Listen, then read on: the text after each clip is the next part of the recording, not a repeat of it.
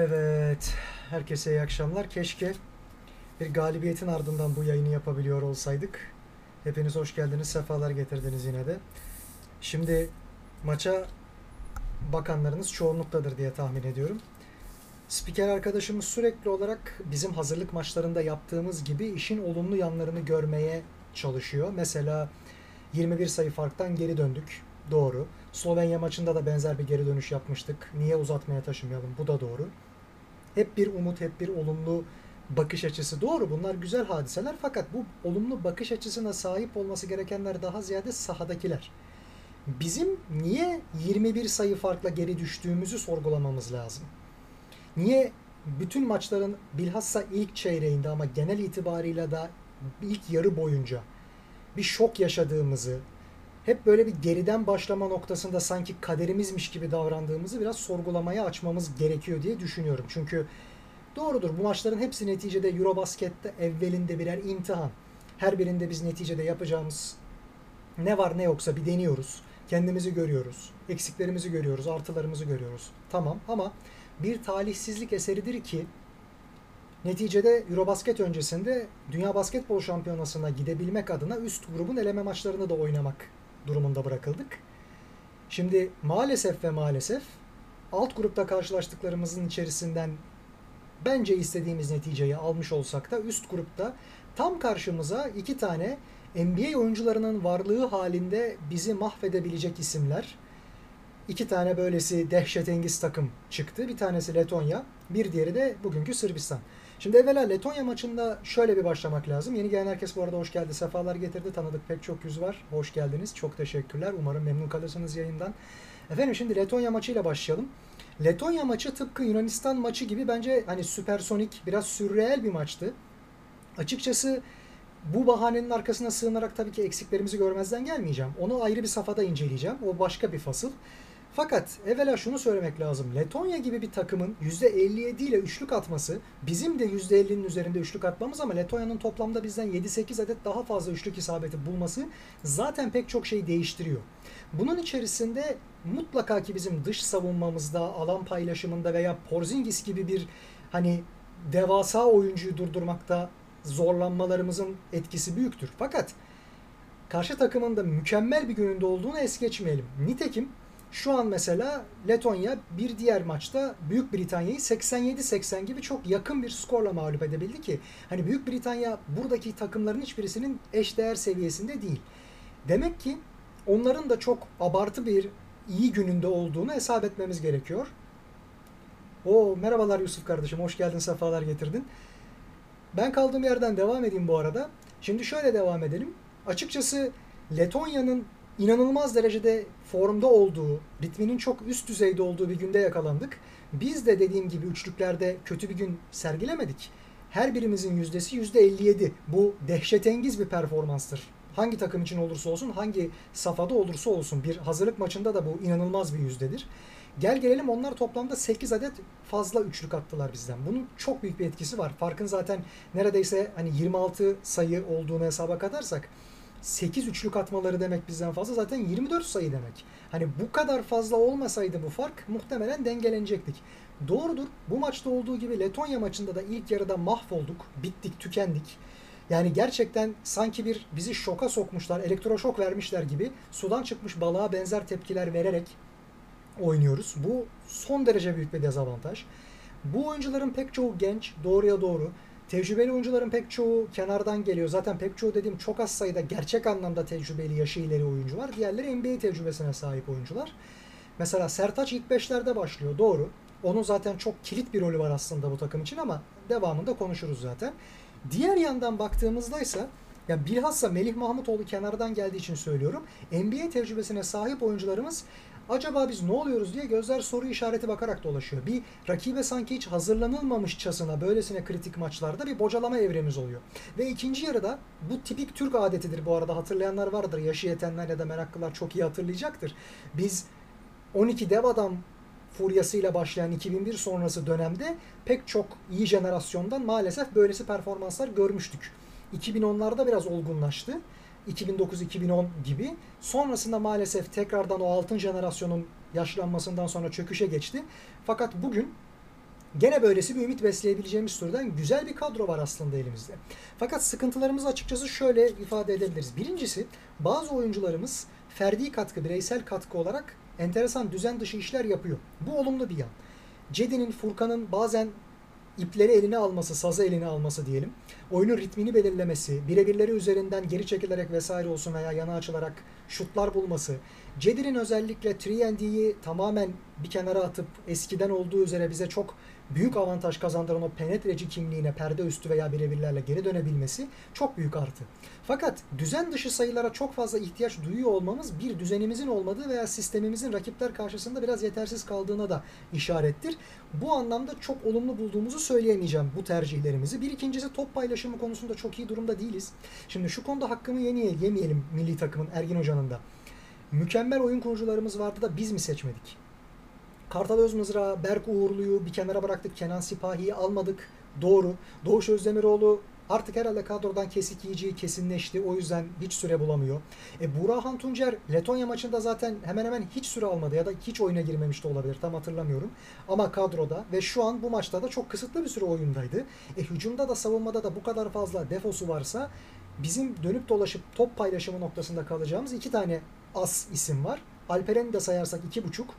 Ama kısalar açısından konuşalım ilk başta. Bir tanesi tabii ki Shane Larkin, bir diğeri de Şehmuz. Şehmuz da devşirme diyebileceğimiz bir oyuncu point guard pozisyonu için ama vatandaşlık bakımından değil pozisyon bakımından. Şimdi Şehmuz'un çok iyi bir top yönlendirici olduğunu söyleyemeyiz buna. O da Sinan Güler gibi mesela zamanında onun da pozisyonu öyle değiştirilmişti ve rolü aynı şekilde yavaş yavaş hazırlanacaktır. Bu turnuvada birden ilk kez oynadığı bir rolün hakkını mükemmelen vermesi zaten çok şaşırtıcı olurdu ama şu ana kadar sığıtmadığını da söyleyelim. Yani gerçekten iğrenç bir performans falan diyemeyiz. Hakkını verdiği çok şey var. Sadece savunmada rakipler karşısında biraz tecrübesizlikten, bu rolü oynama tecrübesizliğinden, biraz çok genç olmasından, biraz da asıl pozisyonunu oynamadığından dolayı rakip kısalar tarafından çok çabuk geçiliyor. Çok çabuk ekarte ediliyor. E, savunma direnci bakımından bu kadar çabuk geçilen kısalara maalesef sahibiz ve bu da arkadaki oyuncuların pek çoğunun ya foul problemine girmesine ya da dengesiz yakalanmasına sebebiyet veriyor. Şimdi Larkin'in de maalesef bu konuda defansif defoları çok ön plana çıktı. Larkin'i biliyoruz. Savunma noktasında elinden gelen her şeyi yapar. Canını dişine takar. Bu maçın ikinci yarısında da benzer bir performans gördük o noktada. Bir de üstüne cüsse olarak ufaklığını kullanıp inanılmaz enteresan yerlerden çok sinsi katkılar gerçekleştirebiliyor. Top çalar, rebound kovalar, başka şeyler yapar, rahatsız eder, bozar vesaire. Çabukluğunu kullanır. Bu maçta da bir kez yaptı. Fakat açıkçası ben Letonya maçında biraz olsun sorumluluk veya stres diyelim üzerinden kalktıktan sonra takımın Larkin'in açıldığını gördüm. Zor zamanlarda gerçek anlamda sorumluluk almaya çalışan iki tane oyuncu tespit ettim ben Letonya maçında naçizane. Bir tanesi bunlardan Cedi'ydi. Bu konuda eğri oturup doğru konuşalım. Cedi üzerine düşeni yaptı o maçta da bu maçta da. İkincisi ise hiç tahmin edilmeyecek bir isim. Benim tabii ki yakından takip ettiğimden ötürü biraz pay verebilirdim buna ama çok çabuk ilk kez sırtına geçirdiği milli formayla böylesine iyi bir performans göstermesini hiç beklemiyorduk. Ercan Osmani. Bu maçta da geçen maçta da Letonya maçında da müthiş bir performans ortaya koydu. Kendisinden beklenen ne varsa hepsini mükemmelen yaptı. Hatta maça 2'de 2 üçlük isabetiyle başladı. Dehşetengiz bir açılış bu. Letonya'yı onun sürpriz isabetleri olmasaydı hiç yakalayamazdık. Letonya ikinci yarıda farkı inanılmaz bir noktaya çıkardı zaten. Yani kaldığı yerden devam etti diyelim en azından. Bu maçta da yok içi gerçekten kapatan, bunaltan, daraltan yani yok hiç gibi bir ismi ne kadar bunaltabilirse işte herhangi bir oyuncu işte o kadarını yapabilen müthiş bir isme dönüştü. Gerçekten çok değerli katkı vereceği kuşkusuz. Yiğitcan Saybir'in eksikliği pek çok anlamda hissediliyor. Yine aynı şekilde çok genç bir oyuncu. Yani 20'lerinin başındaki bir isim bu kadar kritik bir rol üstleniyorsa bizim takımımıza, bu kadar varlığı veya yokluğu derinden etki ediyorsa bizim kendimizi biraz sorgulamamız gerekiyor. Ya çok kayıp jenerasyonlar geçirmişiz ya da şu an halen daha bazı şeylerin eksikliğini çekiyoruz. Mesela benim tespit ettiğim naçizane bir konu maalesef ve maalesef bizim oyuncularımızın en iyi yönlerini ortaya çıkartan bazı setleri çizmiyor olmamız. Öyle bir oyun planımız yok. Mesela Sertaç'a pick and pop çok fazla çıkartmıyoruz. Bu pick and poplar ille üçlük olmak zorunda değil. Orta mesafeden de Sertaç'ın çok iyi şutları var. Pota dibinden veya pota hizasından, dip çizgi etrafından da Sertaç'ın iyi oyunları var. Bugün bir defa denemeye çalıştı onu fakat çok süratliydi kendisi için. Çok çabuk denemeye çalıştı. Dengesiz bir şut oldu.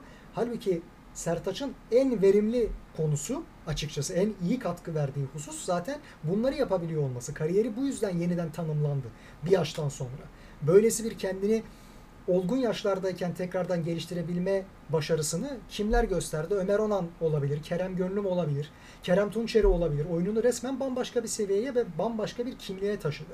Bundan niye istifade etmiyoruz? Aynı şekilde top paylaşımı noktasından girmiştik bu konuya. Sıkıntı yaşıyoruz. Shane Larkin hücumda neredeyse yok hükmünde. Letonya maçında biraz evet sırtından sorumluluk kalktığı zaman düzeldiğini görmüştük. Çok kötü oynamadı istatistiksel bakımdan.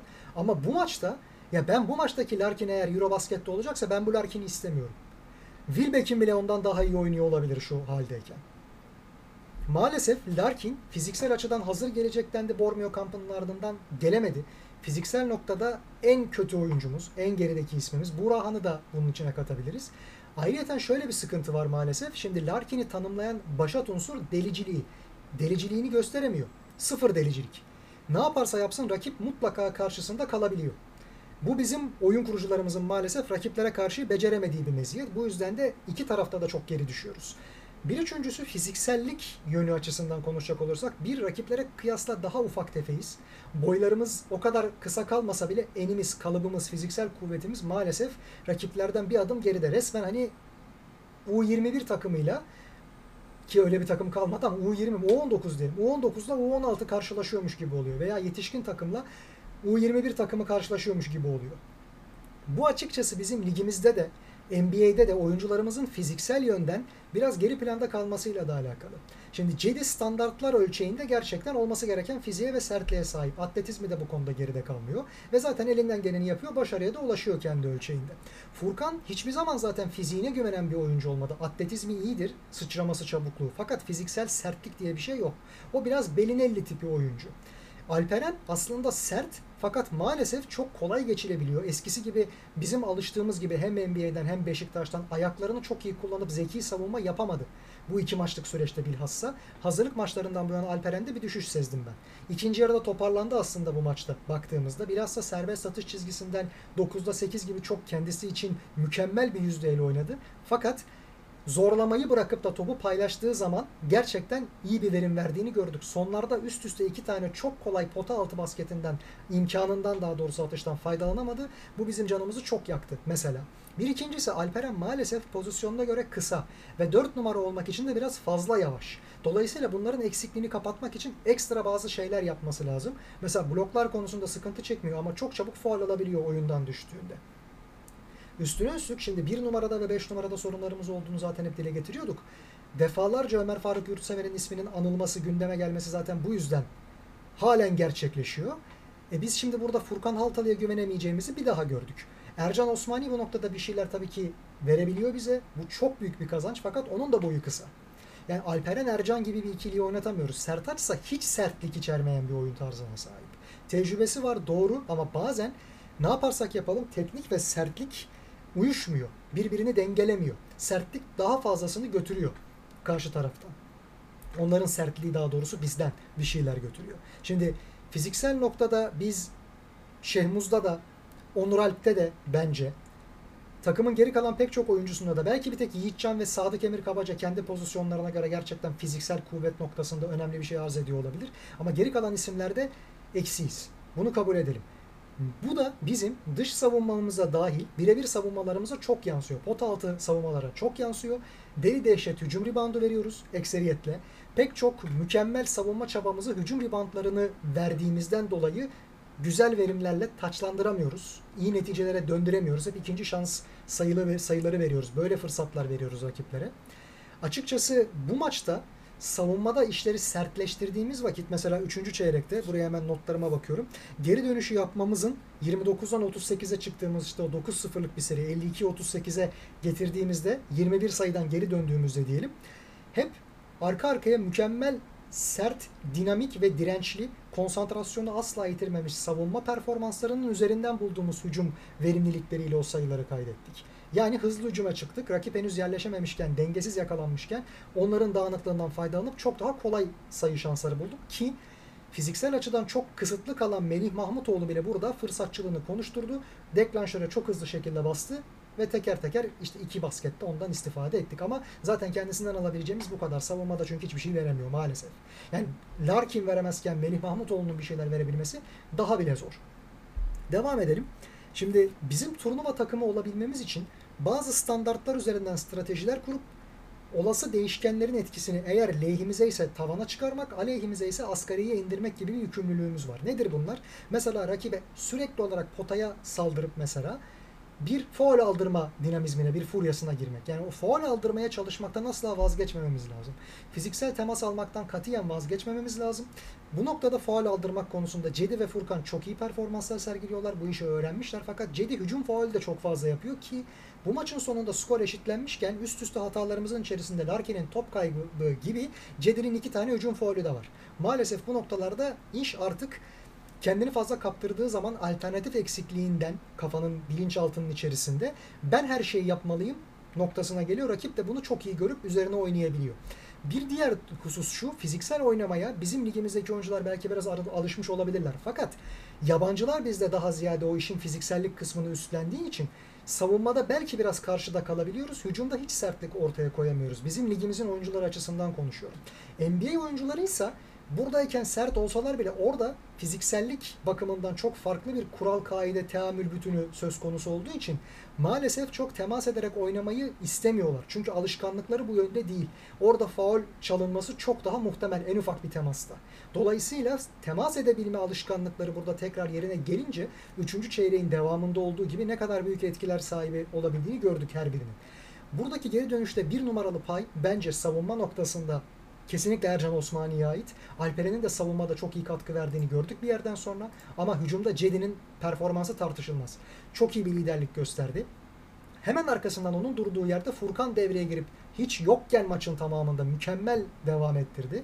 Yani bunu biraz daha sürdürebiliyor olsaydık bir üçüncü el daha çıkabilseydi veya son topta mesela sırayla Larkin hariç herkes potayı dövdü herkes yani Furkan, Cedi, Sertaç, en son Alperen, umutsuzluktan, çaresizlikten elden gelen her şeyi denedik. Her şeyi. Ama olmadı. Bu noktada Larkin niye denemiyor? Yani Larkin bu kadar pasiflikle yani 9 asist yapmış mesela. Benim için önemi biraz daha az. Çünkü neticede Larkin'in burada olmasının sebebi sadece top paylaşımı vesaire değil. Tıpkı Almanya'da o konuya da geleceğiz. Deniz Schroeder'ın yaptığı gibi adam eksiltip faul aldırıp kolay sayı imkanı bakımından Efes'te görmeye alıştığımız o faul çizgisine gitsin, rakibi o tehdidi sunduktan sonra çok daha rahat şut imkanı bulsun, perdelerden çıksın vesaire durumuydu. Ama yani böyle bir şeyi göremedik. Şimdi turnuva takımı olmak için bir başka konumuz tempoyu doğru zamanda doğru yerde doğru şekilde ayarlayabilmekten geçiyor. Letonya'yı yavaşlatmamız gerekirken hızlandırdık daha fazla koş koş oyunu oynadık ve o bizim aleyhimizeydi. Sırbistan'da ise seteset hücumda kaldığımızda, yavaşlattığımızda Sırbistan'ın bilhassa yok iç sebebiyle çok büyük bir avantajı vardı. Koşturmaya başladığımızda Sırpları gerçekten verimlilikleri düştü. Ama şunu hiç gözden kaçırmayalım. Yanılmıyorsam 3. çeyrek bitimine 3 dakika kala onların bana kalırsa bu akşamki jokeri Lucic 5. faulünü alarak oyun dışı kaldı. Bu bizim adımıza bir dönüm noktasıydı. Biz bundan çok iyi istifade ettik fakat sonunu getiremedik. Şunu da hiç unutmamak lazım. Hakem kararlarından vesaire falan dem vuruyoruz. Ben hakemlerin her iki takım için de sıkıntılı bir performans ortaya koyduğu kanaatindeyim. Mesela ilk yarıda olması lazım. Kurica'ya Alperen'in yapmış olduğu müdahale fauldü. Faul kararı çıkmadı. Atışını bozdu, sıkıntı yok, devam dediler. Bu bizim lehimizeydi. Bu noktada Peşit çok itiraz etti. Bizim itiraz ettiğimiz çok fazla karar oldu. Her iki tarafta teknik faul aldı. O noktada baktığımızda hakemlerin yönetimi oyunun güzelliğini bozup bütün iki takımın birden ritmini düşürebilir. O kafanın içine girebilir. Çünkü güzel bir oyun seyretmek, akıcı bir oyun seyretmek herkesin dileği. Oyuncuların da aynı şekilde dileği ne kadar forma girerlerse, ne kadar atışları sayıya çevrilirse veya rekabet ne kadar yükselirse hakem kararıyla değil, rakibin kalitesinden dolayı ve stratejisinden dolayı o kadar fazla eğlenir zaten sahadaki oyuncularda. Her şeyden evvel gelir rekabet hırsı. Şimdi Nikola Jokic 2.16 boya sahip olduğu için ve pota dibinde neredeyse kaçırmadan çok rahatlıkla oynayabildiği için atletizm eksikliğini genişlikle ve dengeyle kapattığı için gene 24 sayı 10 rebound 5 asistle noktaladı. Fakat rakip takıma baktığımız vakit bize hiç blok koyabilen çıkmadı. Sadece savunmada şunu gördük. Çok iyi kapatıyorlar. Çok iyi adam değişiyorlar. Değişmeli savunmayı mükemmelen yapıyorlar. Pek çok oyuncu onlarda benzer fizikte, benzer sertlikte. Oyun konsantrasyonları yüksek. Katiyen çabuk düşmüyorlar. O yüzden de iyi savunma üzerinden kaptığımız toplarla rakip henüz yerleşememişken savunmaya hızlı hücumlar gerçekleştirebilirsek dengesiz yakaladığımızdan dolayı onları mükemmelen bitirebiliyoruz. Bunları çok defa yaptık. Potaya atak yapmayı hiç kesmememiz lazım. Peki 21 sayı farkla niye geriye düştük? STS hücumlarda bir defa kalmaya ısrarcıydık. Bu yüzden dezavantajımız neyse onun üzerine ısrar ettik, devam ettik ve bu bizim tamamen inanılmaz bir şekilde aleyhimize oldu. Bir ikincisi savunma konsantrasyonumuz maalesef düşüktü. Ercan Osmani ekstra bir şeyler yapabileceğini gösterene kadar sanki biz rakibe çalışmamış gibiydik. Bu arada şunu unutmayalım. Rakibin şu an en büyük kısa skor potansiyeli, skor silahı olan Vasilya Mitsic bu maçı felaket oynadı. Çok kötü oynadı. İyi durdurduk. Kendisi de gerçekten kötü bir günündeydi. Böyle şeyler olabiliyor. Fakat oyun kuruculuk katkısıyla inanılmaz şeyler başardı o da. Toplamda asist sayılarımıza baktığımızda onların 20 bizimkisi 16. Bu iyiye bir gelişme değil. Bir ikincisi reboundlara bakıyoruz. Reboundlarda biz toplamda daha fazla öndeyiz. Bunun temel sebebi ikinci yarıda yaptıklarımız. Ama biz Onur Alp'in penetre veya dış şut için müsait fırsatlar bulmasına dair bir oyun çizmiyoruz. Onur Alp'i bitirme noktasına getirir bu. Hazırlık maçlarında bunu yapabiliyorduk. Tabii rakiplerin ekseriyeti de biraz daha kolaydı. Bu sayede yapabiliyorduk. Ama Onur Alp'in mutlaka bu denkleme dahil edilmesi lazım. Şehmuz bu maçta sayı katkısı bakımından bir şey veremedi. Fakat diğer maçlarda çok güzide performanslar sergiledi.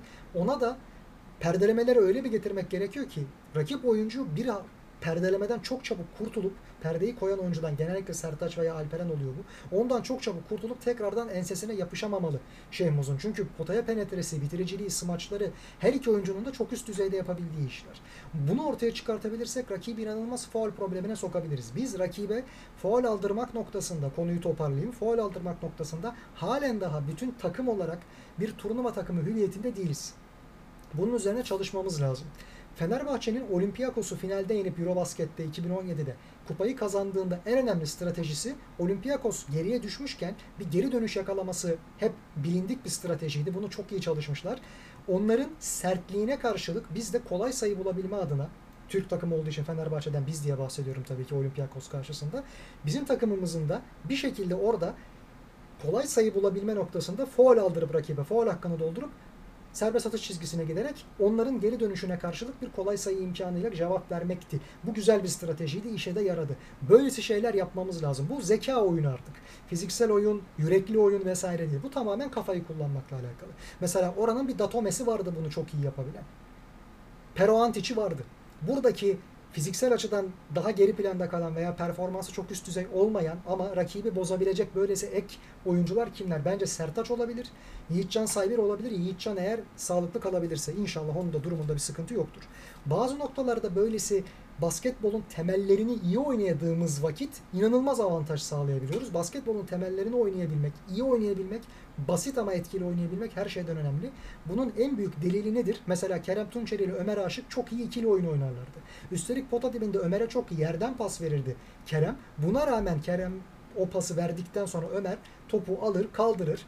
Gerekirse faul alır, gerekirse smaçla veya turnikeyle bitirirdi. Bu çok önemli bir stratejiydi. Buna benzer şeyleri basitçe yapabiliriz. Mesela rakibe faul aldırmak adına. Yoksa oyuncular kendilerini haddinden fazla yormuş oluyorlar. Bu da hoş bir hadise değil tabii ki. Bir diğer unsur şuydu. Neticede Letonya maçında fark açıldıktan sonra Ergin Ataman'ın beyanına göre biz bir havlu attık ve asları çıkartıp Sırbistan maçı için dinlendirdik dedi. İyi de ikili üçlü averajların çok fazla gündeme gelebileceği böylesi platformlarda, böylesi statülerde diyelim, formatlarda.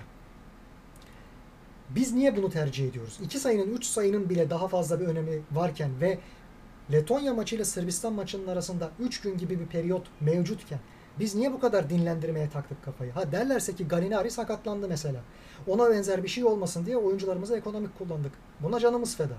Ama emin olun ki sakatlanacağı varsa zaten bir sonraki dinlendirildiği o maç için de aynı durum geçerli olabilir. Yani Sırbistan maçı için dinlendirdik fakat çıktı burada gene aynı sakatlık gerçekleşti. Doğruya doğru. Bir ikincisi mesela burada da Sırbistan son topu niye kullanmadı diye Sırp bençi ayaklandı. Üçlü averaj gündeme gelebilir çünkü öyle çok büyük bir sayı farkıyla bitmedi maç. Olur olur. Ha bizim şu noktadan itibaren Belçika'yı yeneceğimizi tahmin ediyorum ama üst tura yani daha doğrusu dünya şampiyonasına gidebilme ihtimalimiz mucizelere kalmış durumda. Yani matematiksel olarak kesinleşmediyse bile elenmemiz artık mucizelere bağlı. Bu durum içerisinde biz niye Letonya'da böyle bir şeyi tercih ettik? Daha da ötesi bugün çok enteresan bir maç oynandı. Almanya Slovenya arasında. Almanlar tamamen zeka ile ve takım oyunuyla o eleme gruplarındaki performanslarını sergilemeyi sürdürdüler ve Letonya çok pardon Slovenya'yı mahvettiler. gerçek anlamda mahvettiler. O noktada Sekulic de Slovenya'nın koçu da Luka Doncic'i kenara aldı mesela son dakikalarda. Mağlubiyet kesinleştiğinden dolayı.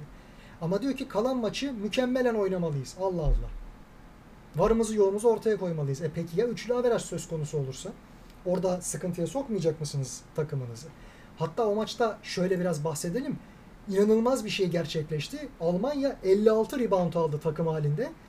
Slovenya'nın iki katından da fazla. Slovenya 27 reboundda kaldı. Slovenya 13 asist yaptı. Almanya 24 asist. Neredeyse iki. İlk yarıda hiç sayı atamayan Dennis Schroeder gibi bir NBA oyuncusu, o takımın bir numaralı yıldızı, ikinci yarıda 17 sayı birden buldu. Bunu nasıl yapıyorlar? Çok iyi top paylaşıyorlar. Kendi kapasitelerinin mükemmelen farkındalar. Çok iyi bölüşmüşler rolleri. Herkes biri çıktığında diğeri devam ettiriyor. Maudole, Nies Jiffy, işte Voigtman her zaman olduğu üzere büyük bir oyuncudur zaten. Obst mesela Obst gibi bir oyuncunun katkı vermesi gerçekten Daniel Tyson yokluğunu, Maxi Kleber'in yokluğunu, en iyi kadrosunun burada olmamasını Almanya'nın bir şekilde tolere edebiliyor. Biz de en iyi oyuncularımız burada yokken veya işte Ömer Faruk gibi bir isimden istifade edemiyorken bir şeyleri tekrardan farklı isimlerden alabiliriz. Başka şeyler üzerine stratejimizi kurup hiç beklenmedik katkılar bulabiliriz. Mesela Şengelye sakatlandı Gürcistan'da. Takımın bir numaralı silahı. Bizim de aynı grupta olduğumuz bir ev sahibi. Bizim takım, bizim grubumuzda İspanya, Karadağ, Bulgaristan, Belçika ve biz varız. Şimdi bu rakiplerimizden Gürcistan da dahil tabii bu gruba. Gürcistan'ın önemli silahı yok. Fakat NBA tecrübeli Goga Bitadze'yi koyuyorlar. Şermadini ile ikiz kuleleri oluşturuyorlar. Bitadze ve Şermadini. Her ikisinin de boyu 2.16'nın üstünde hat yanlış hatırlamıyorsam. Yani Şermadini çok uzun fakat hantal bir oyuncudur. Ama bu sezonu çok formda geçirdi. E şimdi Bitadze de gerçekten hani ayı boğan gibi birisi. Zaza Pachulia'nın belki biraz daha kapasitelisi. Kulaç açıklığı vesaire bakımından. Belki Şengelya'nın sakatlığı Bitadze'nin pot altında olmasıyla Eurobasket'te çok farklı bir şey sağlayacak. Belki onlar işte Sabonis, Valenciunas gibi bir pot altı ikilisine sahip Litvanya ile vesaire oynasalar çok farklı bir şey ortaya çıkabilir tekrardan. Böylesi beklenmedik ve insanı ideal senaryosundan şaşırtan sürpriz gelişmeler belki inanılmaz güzel başka sürprizlere gebe olabilir. Bunu sağlayabiliriz. Biz mesela Ercan Osmani'de bunu görüyoruz ama niye devamı gelmesin? Niye daha fazlası olmasın? Devam edelim. Şimdi efendim madem ki diğer takımların performanslarına da biraz değindik. Ben oynanan bazı diğer maçlara da bu noktada hemen kısaca temas edeyim sonra bizim maçımıza geri döneyim. Niye? Çünkü bizim acım bizim noktamızda önemli anekdotlar içeriyor. Şimdi Slovenya'da madalya adayı ülkelerden bir tanesi. Bizim karşımızda veya diğer rakiplere karşı nasıl oynadığını gördük. Herkesin neredeyse paramparça ettiler. Ama Almanya'nın zekasına, oyun azmine, konsantrasyonuna mağlup oldular. Goran Dragic çok kötü oynadı. Zoran Dragic daha da kötü oynadı. Mike Toby ve Luka Doncic dışında hiç kimse sahada değil gibiydi. Doncic iyi bir performans gösterdi. Buna rağmen yeterli olmadı. En iyi takımların bile kötü günleri vardır. Bizim oyuncularımızın da kendi kalitelerini sahaya yansıtamadığı günler olabilir. Bunların aleyhimizdeki gelişmeleri minimize edebilmek adına turnuva takımı zihniyetine bir an evvel geçilmesi sebebiyle saf dışı bırakmasını gerektiğini düşünüyorum ben bizim milli takımımızın. Yani Oyuncularımız kötü gününde. E kazanamayacak mıyız? Gene birisi çıkar, temelleri doğru oynar, kurnazlıklara başvurur, püf noktalarını çok iyi gerçekleştirir ve takımı oyunda tutar, kazanır. Yıllar boyunca Yunanistan, Sırbistan, daha evvel Yugoslavya, Litvanya hep böylesi şeylerle, ideal olmayan kadrolarla bile hep turnuva takımı olabildiler. Rusya hakeza aynı şekilde ve çok önemli yerlerde bitirdiler turnuvaları. Şu an Slovenya'da mesela bu maçta bunun eksikliğini görmüştür. İdeale yakın bir kadroyla buraya geldiği için söylüyorum Slovenya'yı. Bir tek Anthony Randolph eksik o kadrodan. Onu tekrar yineleyelim. Bir ikincisi şimdi bizim oyuncularımıza tabii ki çok sert yaklaşmamak lazım. Ergin Hoca'da da şöyle bir sıkıntı var.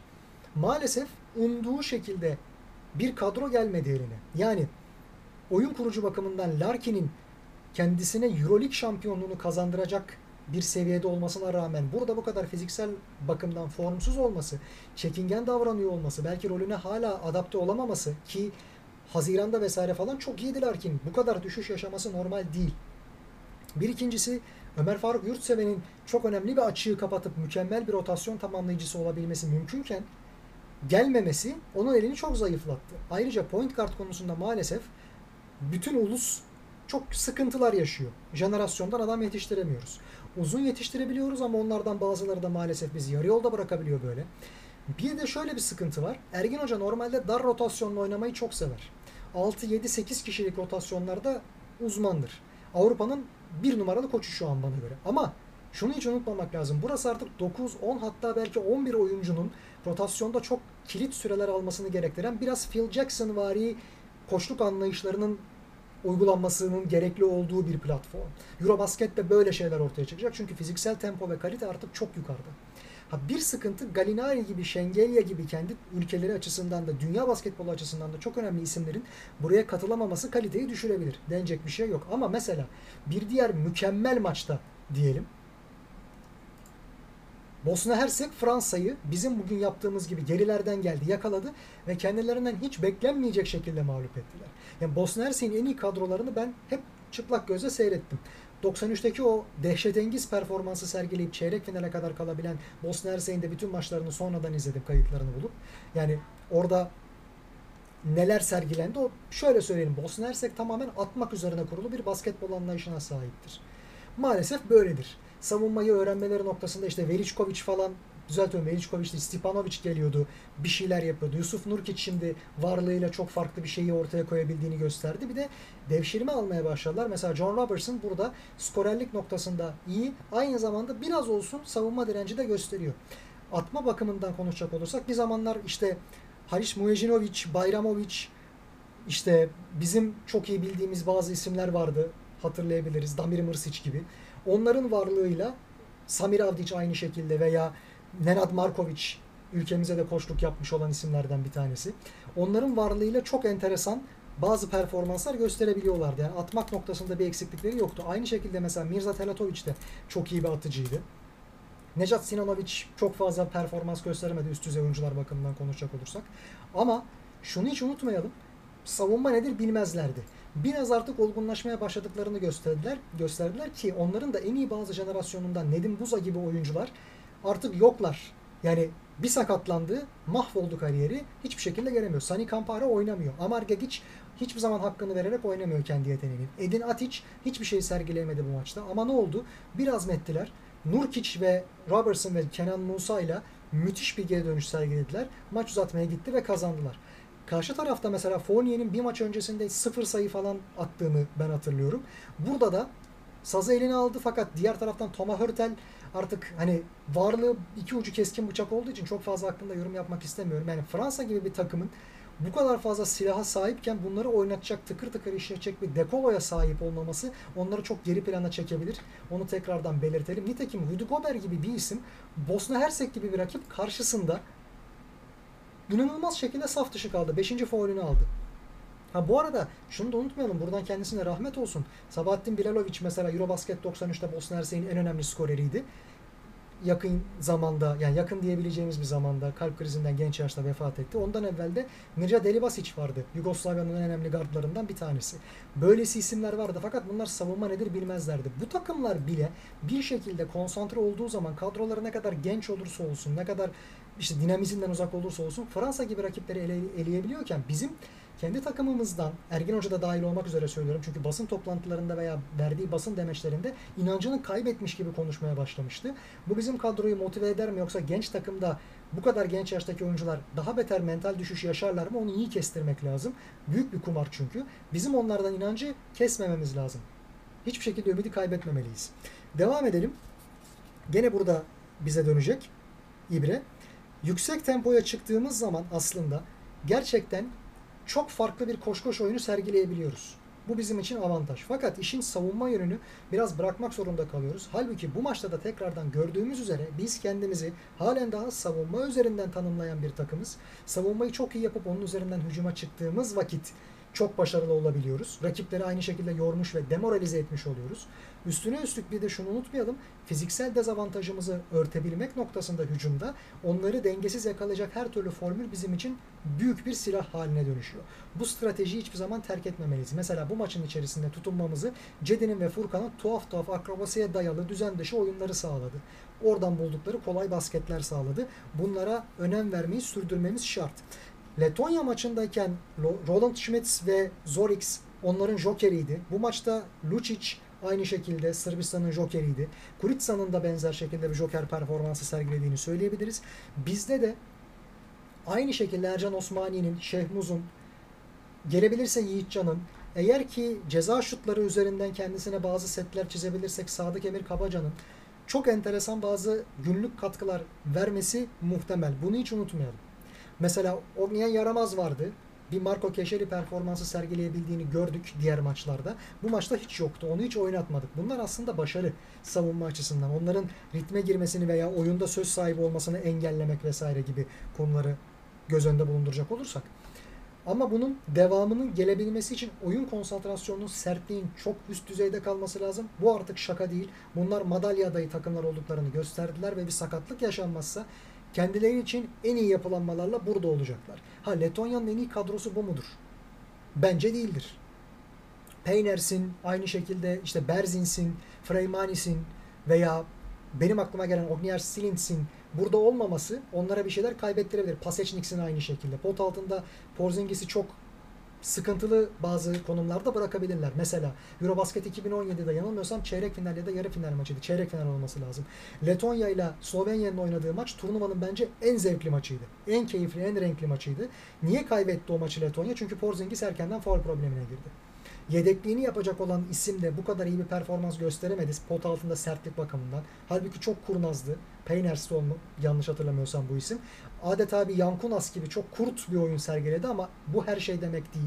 Yani bir Boris Diaw değildi. Onu hesaba katalım ama elinden geleni yaptı. Gene de o rotasyonun geniş olmaması burada mesela bizim Ömer Faruk Yurtsever'in eksikliğini hissettiğimizde başımıza gelebilecek olan bir problem gibi orada da Letonya'yı vurmuştu. Burada neler olabilir?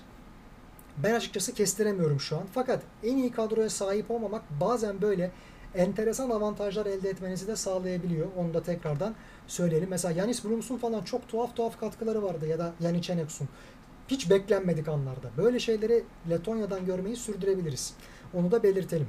Yani Letonyalılarda mesela Yanis Timma her iki maçta birden yoktu. Kadroda olacak mı olmayacak mı onu da bilmiyoruz. Çok sertlik katan bir oyuncu, üst düzey bir oyuncu. Avrupa çapında en azından öyle söyleyelim.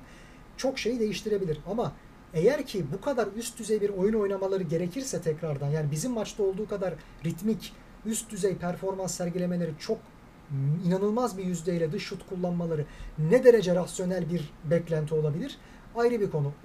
Bahsetmiş olduğum Eurobasket 2017'deki o maçın ardından belki Letonya milli takımının oynadığı en üst düzey maçtı bizim maç.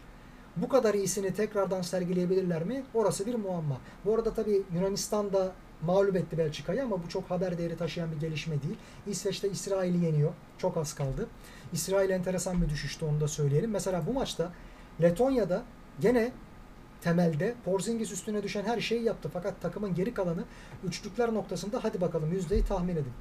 29'da 7, yüzde 24, bizde yüzde 57 idi. Ya bu sadece savunma direnciyle alakalı olamaz çünkü rakip takımdan bahsettiğimiz zaman Büyük Britanya'dan konuşuyoruz. Yani bu bu klasmanın, bu sikletin takımı bile değiller. Ona rağmen işte iyi gün kötü gün böyle fark ettirebiliyor. Bizim karşımıza böyle oynamış olsalardı bizim defolarımız, bazı coaching hatalarımız, koçların yanlış tercihleri veya oyuncuların düzen dışı çıkarak başka bir şeyler öğretmeye çalışması da bu kadar kötü cezalandırılmayacaktı. Onu da söyleyelim.